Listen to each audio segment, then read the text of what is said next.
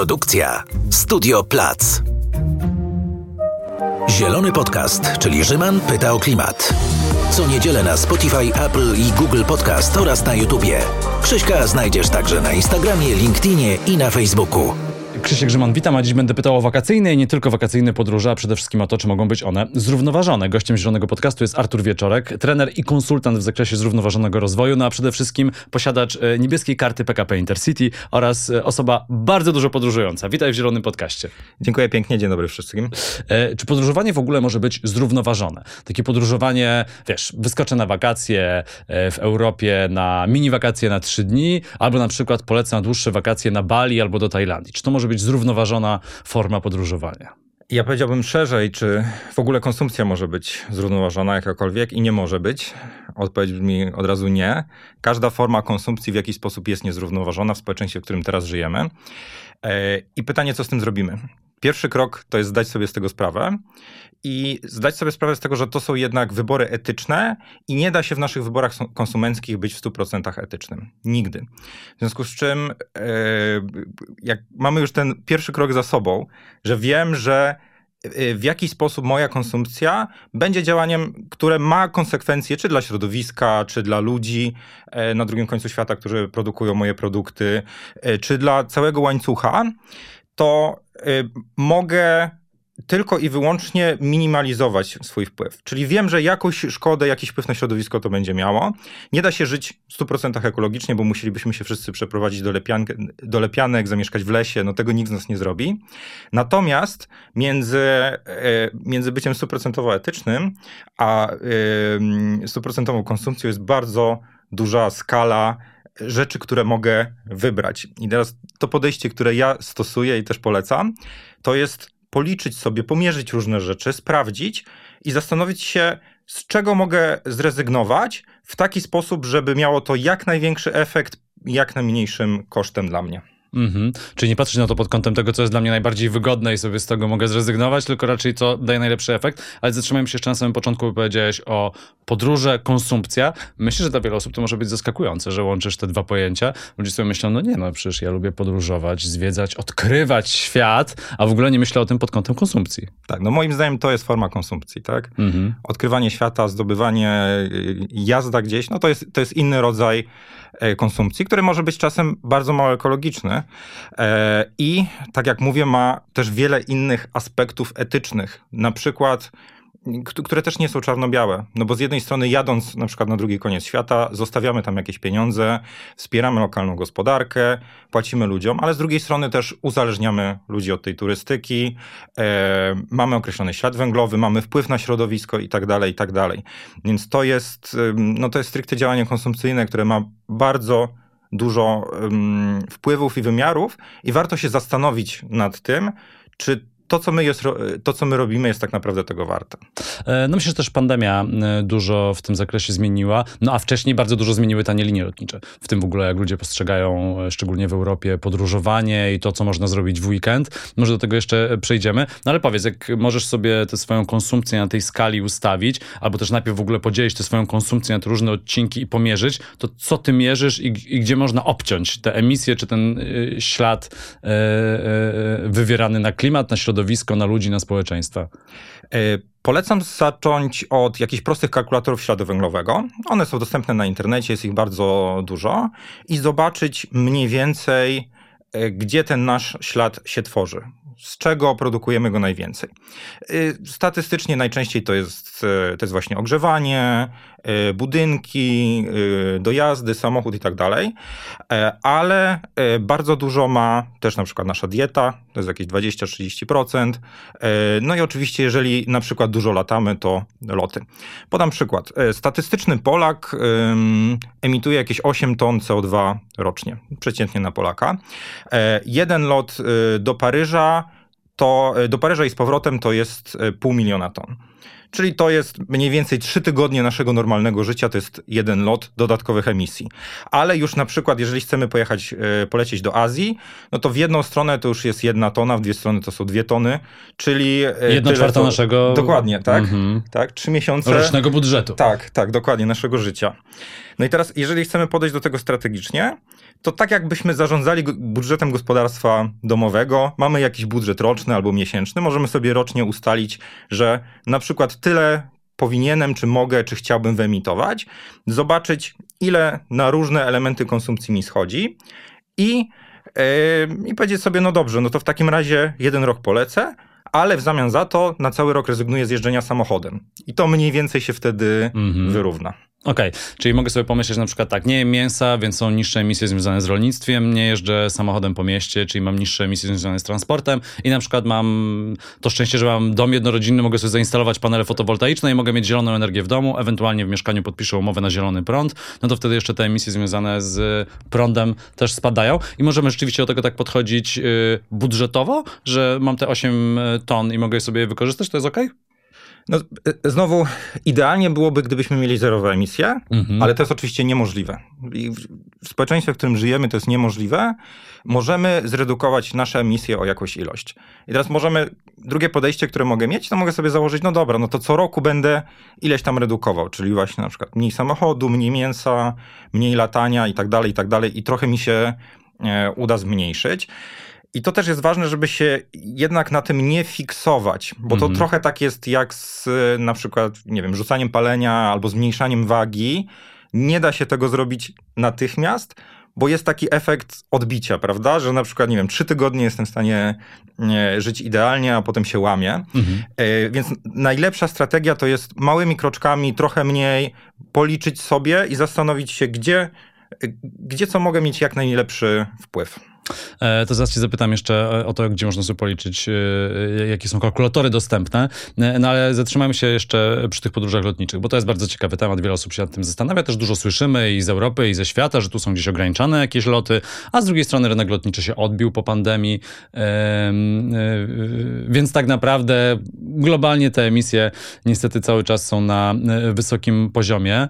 To jak ty planujesz swoją podróż gdzieś, na przykład w Europie, do Polski zaraz jeszcze przejdziemy, ale gdzieś w Europie, to co szukasz połączenia kolejowego? No ja raz pojechałem do Brukseli pociągiem i była to straszna przeprawa, że nie pamiętam ile godzin jechałem, ale no naprawdę trwało to... No, 12. Tak, no strasznie długo. E, wymęczyłem się strasznie, e, chociaż potraktowałem to jako przygodę i jako, taką, jako taki test, e, jako takie wyzwanie, czy, czy da się dojechać i wrócić? Da się dojechać i wrócić, no ale z przygodami nie ma, no tak naprawdę nie jest Europa przygotowana na to, żeby podróżować nią pociągami na trasach międzynarodowych międzynarodowych innych niż na przykład Warszawa-Berlin czy Warszawa-Wiedeń? E, no ja przyznam się, że mam taki, e, taki limit powiedzmy jednego krótkiego lotu w roku. Czyli gdzieś lecę, gdzie nie mogę dojechać. Do Brukseli zawsze jeżdżę. Mniej więcej no, 3-4 razy w roku mam jakąś konferencję i tam jadę. I to jest ważne, jakby to powiedzieć, można się przyzwyczaić. W sensie to jak każdy mięsień można wyćwiczyć, tak? Jeżeli ja na przykład bardzo dużo jeżdżę pociągami, bo prowadzę szkolenie, jeżdżę po całej Polsce i też do każdego miejsca w Polsce jestem w stanie dojechać pociągiem. Mhm. Czasem są takie miejsca, gdzie nie ma transportu publicznego z powodu wykluczenia y, transportowego i wtedy jadę taksówką na przykład. Mhm. I to jest, no muszę, nie wiem, 200 zł teraz wydałem na taksówkę, ostatnie 30 kilometrów, absolutnie nic tam nie dojeżdżało, ale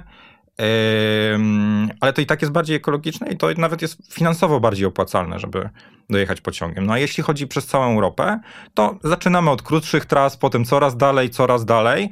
I dla mnie na przykład te 8 godzin w pociągu to jest cały dzień pracy. Ja sobie siadam z laptopem, mhm. pracuję, jak jestem głodny, to idę do warsu, jak potrzebuję się rozprostować nogi, to wstaję i tak dalej.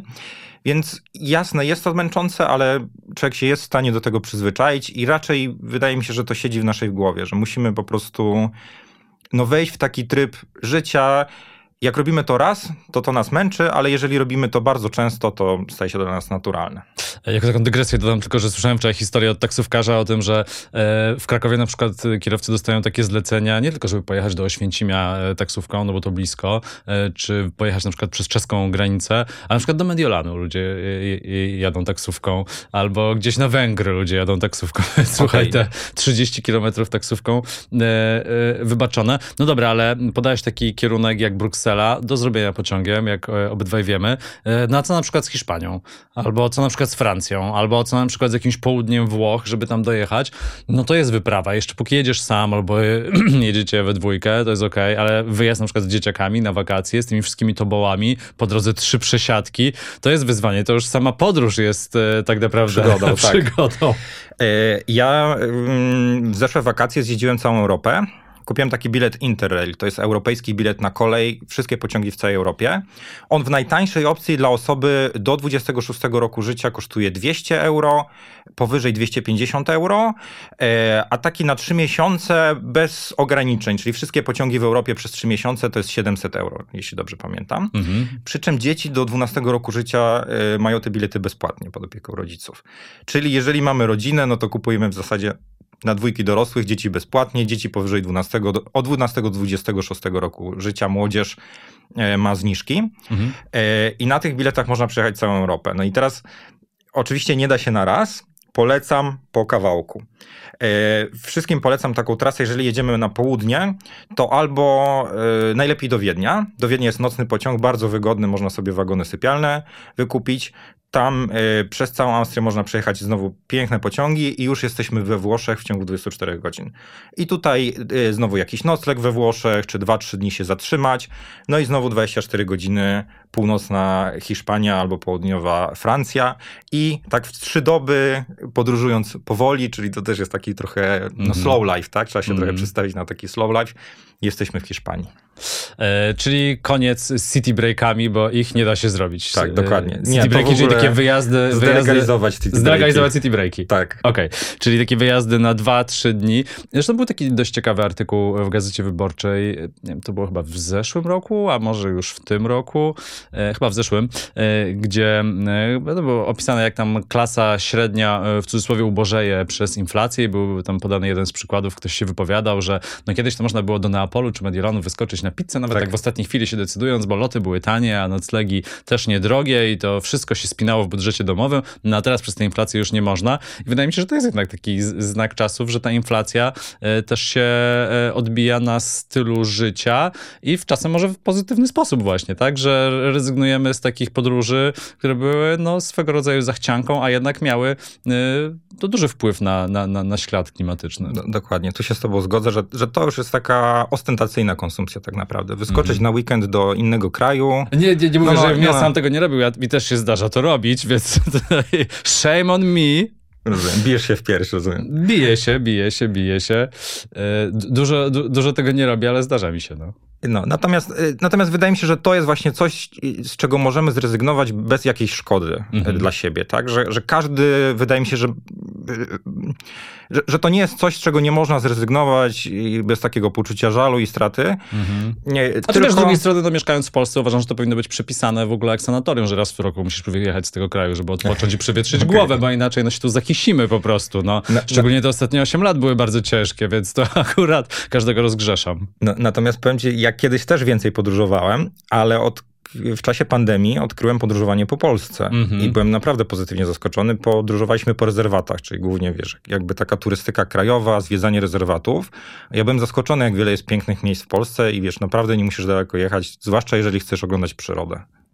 E, no a co z takimi wyjazdami e, dalej do Azji? To też się ciekawie zmieniło w trakcie pandemii, dlatego że e, Azja, kraje azjatyckie, jak na przykład super popularna Tajlandia, czy, czy, czy Wietnam, czy też Indonezja, mają taki problem z turystami, no my byśmy powiedzieli zachodnimi, ale tak naprawdę turystami z bogatych krajów, bo przecież też z Australii, mają taki problem, że to są często backpackerzy, którzy no, są postrzegani jako fajna kultura i, i, styl życia, ale tak naprawdę są dużym też obciążeniem bywają dla y, tamtych krajów, no bo przyjeżdżają, nie chcą zostawić dużo pieniędzy, szukają najtańszych noclegów, co też bardzo irytowało często miejscowych, na przykład zaczynają sobie dorabiać, nie wiem, grając na ulicy, czy y, wiesz, zbierając do kapelusza, czy gdzieś pracując nielegalnie, co powodowało, że no, przyjeżdżasz do nie, nie, niebogatego kraju, korzystasz z tego wszystkiego, co jest tam tanie i jeszcze sobie nielegalnie gdzieś dorabiasz, zabierając tak naprawdę pracę lokalną Kalesom. No, w... to, I to się zmieniło chyba w trakcie e, pandemii, przynajmniej mogło się zmienić. Też wiem, że Tajlandia miała takie, taką, no bo dużo tych krajów się zamknęło z powodu COVID-u i Tajlandia na przykład miała przynajmniej w teorii zmienić takie podejście o turystyki, że wolimy jednak turystów trochę bogatszych, którzy po prostu więcej pieniędzy mhm. zostawią w naszej lokalnej gospodarce, a nie takich, którzy eksploatują, bo to nie chodzi tylko o to, że mało płacą, tak, ale też o to, że no, środowisko ma swoją ograniczoną wyporność i im tam więcej ludzi wpuścisz do jakiejś zatoki, im więcej wpuścisz na jakąś wyspę czy na jakąś plażę, no to degradacja postępuje szybciej.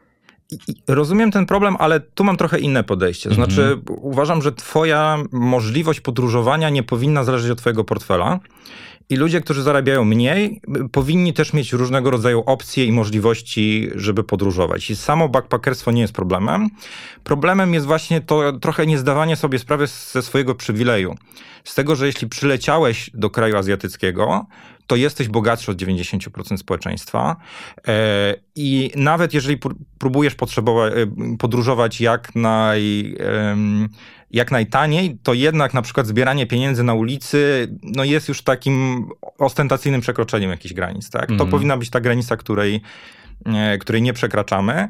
Natomiast też praca, na przykład jakaś dorywcza w krajach azjatyckich, wydaje mi się, szczerze mówiąc, wydaje mi się to bardziej wartościowe dla wszystkich, dla tych społeczeństw, ale też do tych ludzi, którzy tam jadą. Jeżeli oni zamiast na weekend, czy na, nie wiem, na tydzień, na dwa tygodnie, pojadą na 3-4 miesiące, poznają trochę tę kulturę, mm, dojdzie do jakiejś wymiany kulturowej, trochę się, wiadomo, że to ubogaca jedną i drugą stronę. Także wydaje mi się, że nawet wolę takie, takie tanie podróże. Wiadomo, e, rząd Tajlandii mniej woli, bo oni wtedy mniej pieniędzy zostawiają, mniej gospodarki się rozwija, ale moim zdaniem kulturowo one są dużo bardziej wartościowe niż Mhm. wiadomo, takie all inclusive w Tajlandii. No, też miałem taką refleksję, że no, z jednej strony fajne to jest, żeby iść w kierunku, żeby więcej pieniędzy zostawało, w, a mniej turystów niszczyło środowisko, degradowało, no a z drugiej strony to powoduje, że rzeczywiście turystyka staje się już przywilejem dla bogatych, tak? Um, um, to jeszcze, bo kurczę, ten temat jest dla mnie tak fascynujący, jakbym skakać między tymi wątkami i rzeczywiście ten podcast będzie trochę nieuporządkowany, ale jeszcze wracając na chwilę do kolei i powiedziałeś o e, tych trasach e, europejskich, no a jak to w Polsce wygląda z tą kartą? E, bo przedstawiając się powiedział, że masz niebieską a, tak. kartę Intercity. Tak. E, e, jak to działa? No bo wiem, jak działają bilety miesięczne i kwartalne w transporcie publicznym miejskim, a jak to działa w transporcie zbiorowym szynowym. E, Intercity wprowadził jakiś czas temu takie karty, takie powiedzmy bilety. Ale wydaje mi się, że one dawno zostały wprowadzone, szczerze mówiąc. No ja pamiętam ja to, kilka ja, lat temu. Tak? A tak. mi się wydaje, że jak ja chodziłem... Musiałbym sprawdzić. Na studia to już były dostępne takie karty, tylko że one były jakieś hiperdrogie wtedy. Okej, okay, może. Mhm. Yy, koszt tego to jest, w zależności od tego, czy bierzemy miesięczny, kwartalny, roczny, to jest mniej więcej mm, tam półtora tysiąca na miesiąc w drugiej klasie, trzy tysiące na kwartał, dziesięć tysięcy na rok. Mhm. To są mniej więcej takie koszty. No jest dziesięć tysięcy na rok, żeby y, jeździć koleją y, mieć nielimitowane podróże, to faktycznie trzeba dużo podróżować. A tak? możesz podróżować Pendolino też w ramach tego? Tak, A. tak. No też jedna podróż Pendolino kosztuje 160, 170, 180 tak. zł, więc tak. jak ktoś to sumuje, a dużo jeździ, to 10 koła to już nie jest aż tak wielka kwota. Więc y, natomiast na razie jest to przede wszystkim oferta dla firm, yy, zwłaszcza, że można za tam 50% więcej płacąc, można mieć taką kartę na okaziciela.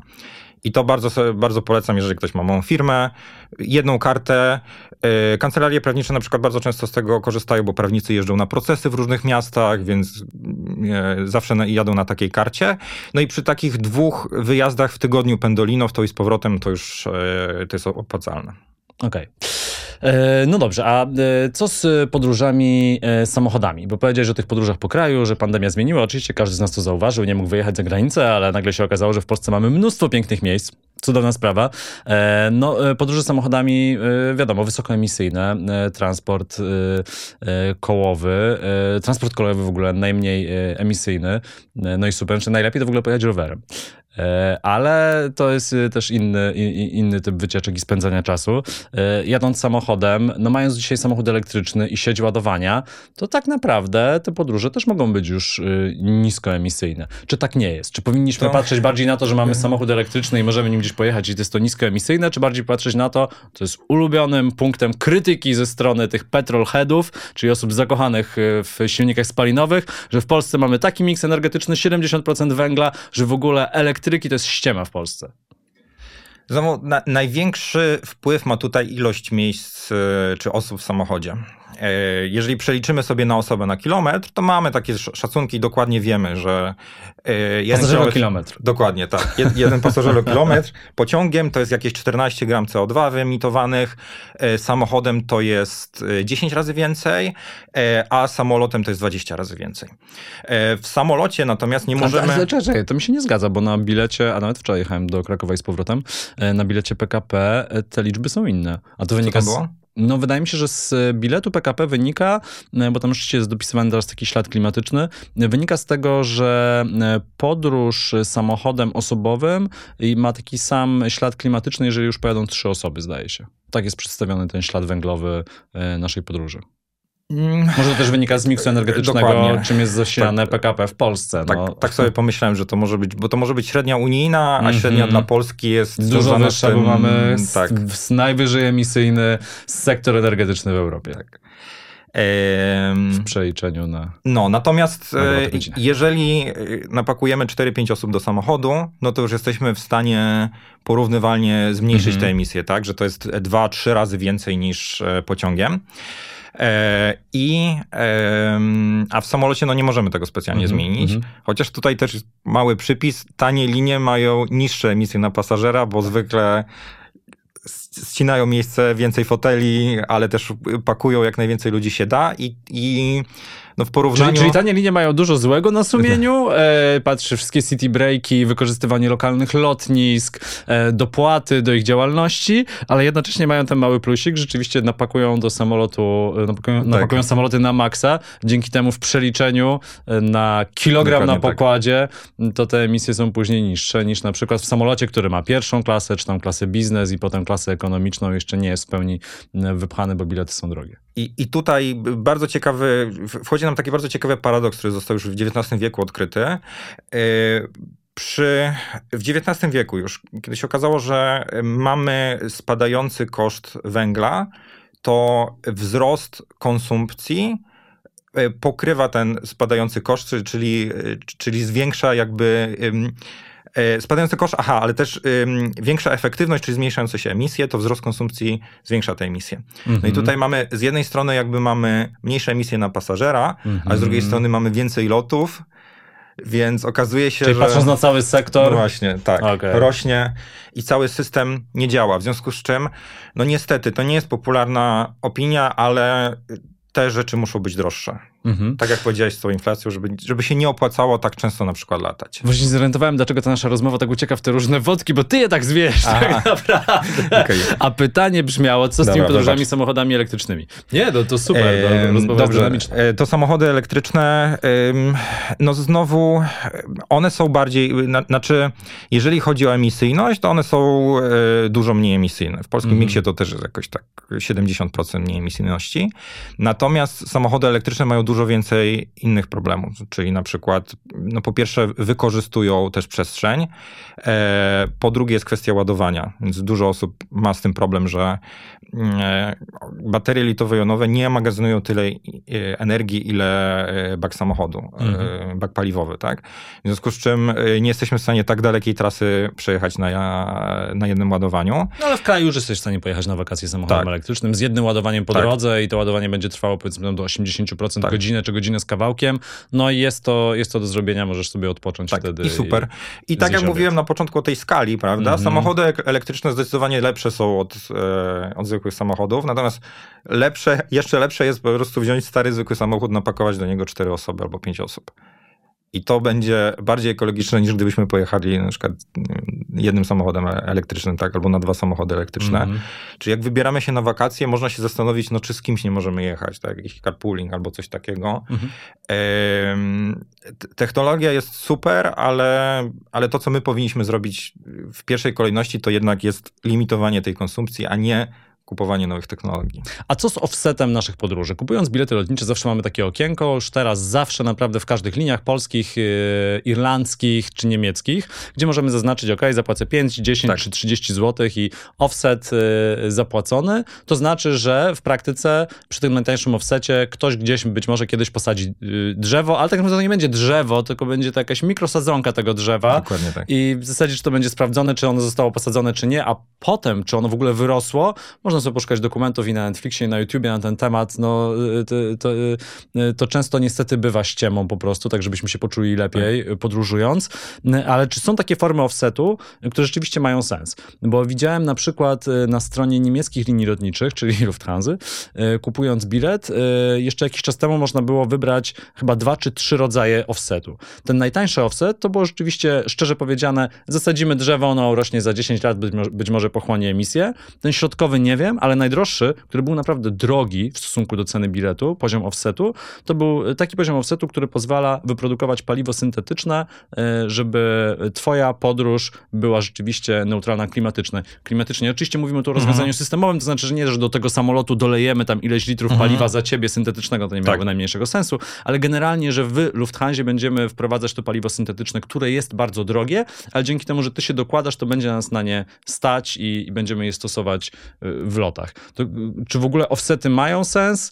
Y, czy cały czas to jest takie przerzucanie na konsumentów tego ciężaru katastrofy klimatycznej, a jednocześnie dawania tego prostego rozwiązania, że no słuchaj, martw się, ale w sumie się nie martw, bo opłaciłeś 10 dolarów, 5 złotych czy 20 euro i z głowy. No dobra, ba bardzo dużo wątków. Mm -hmm. Zacznę może od tego, że pewne przerzucenie na konsumentów ciężaru katastrofy klimatycznej jest konieczne i od tego nie uciekniemy. Natomiast to jest obowiązek firm. To znaczy, firmy faktycznie próbują, próbują uciec od tego, a one powinny to wziąć na klatę i powiedzieć: słuchajcie, rzeczy muszą być droższe, jeżeli chcemy wziąć pod uwagę koszty środowiskowe. I to powinno być, no pewnie firmy z różnych powodów konkurencyjnych też tego same nie zrobią, więc to regulator powinien załatwić. Mhm. Ale zostawmy to. Jeśli chodzi o tą konkretną technologię, to jest bardzo ciekawe i to powiem ci, no, no nie mam takiej ekspertyzy, żeby powiedzieć, czy ten akurat offset jest y, dobry. Mhm. Wiem, że są takie technologie, które potrafią, y, że jesteśmy w stanie syntezyzować paliwo E, lotnicze e, z energii elektrycznej, na przykład ze słońca, ale nie wiem, czy to jest komercyjnie, jak to funkcjonuje i tak dalej. Bardzo ciekawe, to jest, to jest coś nowego, co słyszę od ciebie i to mhm. może faktycznie działać. Taki offset, który na pewno działa, to jest ten przykład, który ja podałem, to znaczy liczysz sobie, ile emisji będzie miał ten lot i sprawdzasz, gdzie możesz je ściąć. I to jest tak naprawdę jedyny mm -hmm. taki uczciwy offset. Mówisz sobie, no dobra, to teraz przez rok nie jem mięsa na przykład, albo nie wiem, nie jeżdżę samochodem przez rok. Nie? I to jest taki naprawdę uczciwy offset i wiesz, że to zadziała, a, a to nie jest jakiś żart, że zasadzimy drzewo gdzieś tam i ono przez cały swój cykl życia, jeśli urośnie, to pochłonie tyle samo emisji, ile ty wyemitowałeś w 30 minut. No swoją drogą linie lotnicze powinny mieć zakazane niektóre praktyki, na przykład takie, że e, jak gdzieś polecisz z przesiadką, to będzie taniej, bo im to bardziej wypcha mhm. samolot, ale z drugiej strony to powoduje dużo wyższe emisje.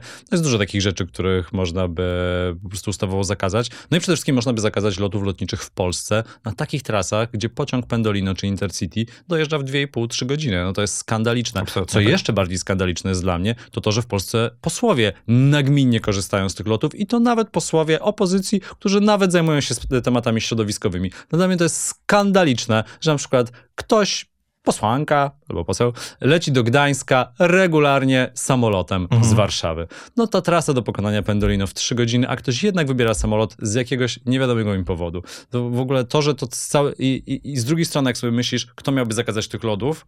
Polski parlament. Jak on miałby zakazać, skoro ci ludzie po prostu z tego korzystają nagminnie? Tak. A ja myślę, A na że tutaj... we Francji te, taka zasada została wprowadzona, czy w Austrii? E, ostatnio właśnie czytałem, że już się z tego e, wycofali. E, we Francji? I, tak, we Francji. O, że miał być zakaz lotów, natomiast e, pod wpływem presji czy lobbingu zeszli do zwiększenia podatków na prywatne loty samolotami. Mm -hmm.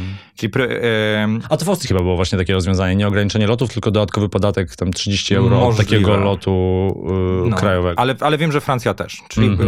Francja i Austria wprowadzają, zamiast tego wprowadzają podatek, zamiast całkowitego zakazu lotów.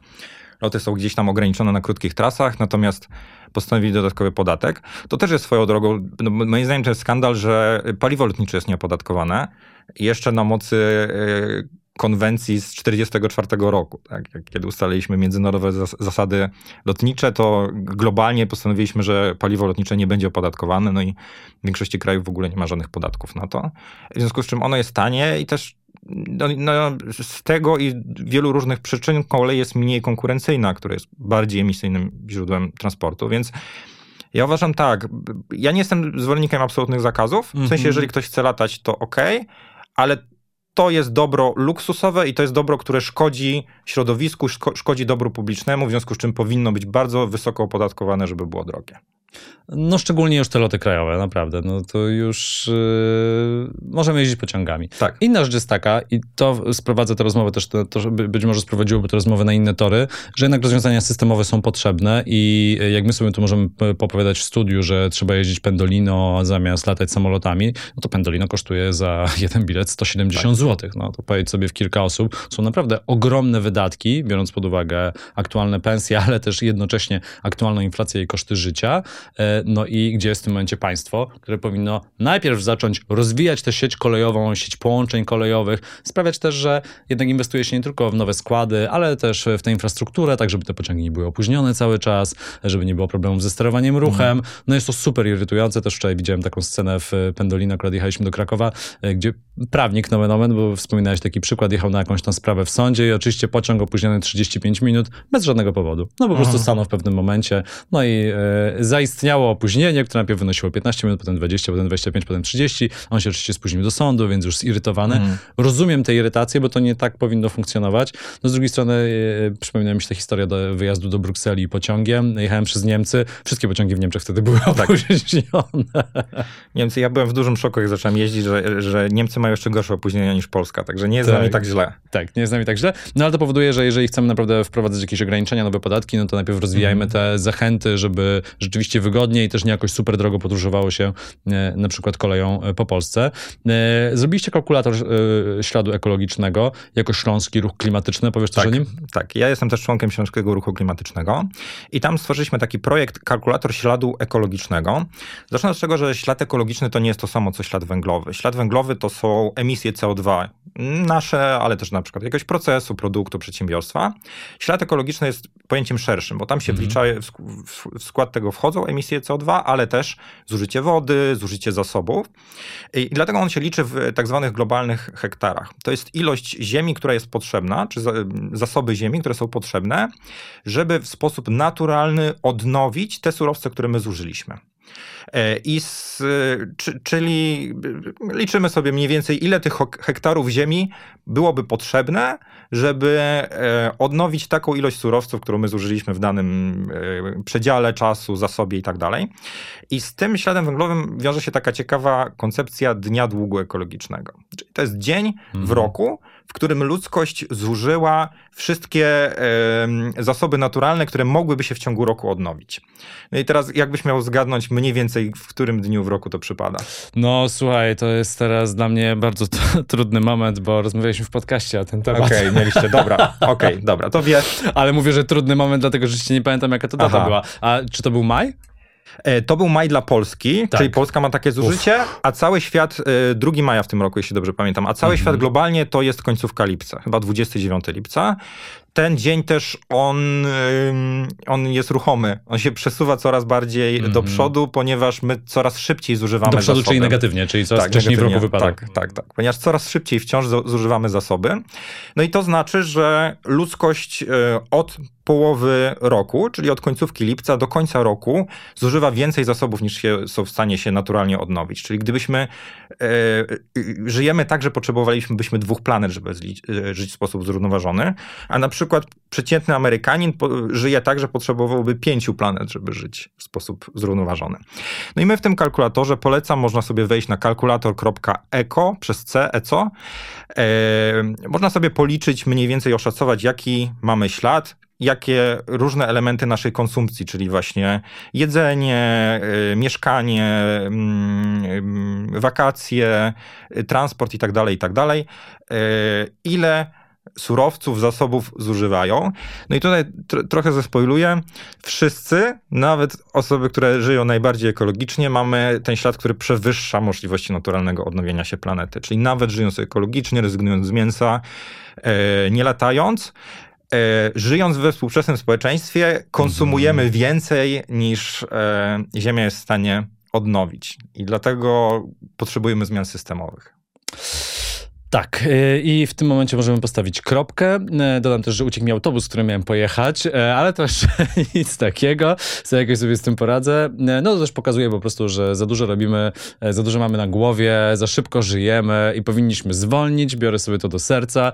Artur Wieczorek, trener i konsultant w zakresie zrównoważonego rozwoju. Gdyby Artur kiedyś startował w jakichś wyborach, ja bym na niego zagłosował. Bardzo ci dziękuję za rozmowę. No a Zielony Podcast teraz także do zobaczenia na YouTubie i na Spotify. To był Zielony Podcast, czyli Rzyman pyta o klimat. Co niedzielę na Spotify, Apple i Google Podcast oraz na YouTubie. Pamiętaj, żeby subskrybować kanał. Nie przegapisz żadnego odcinka.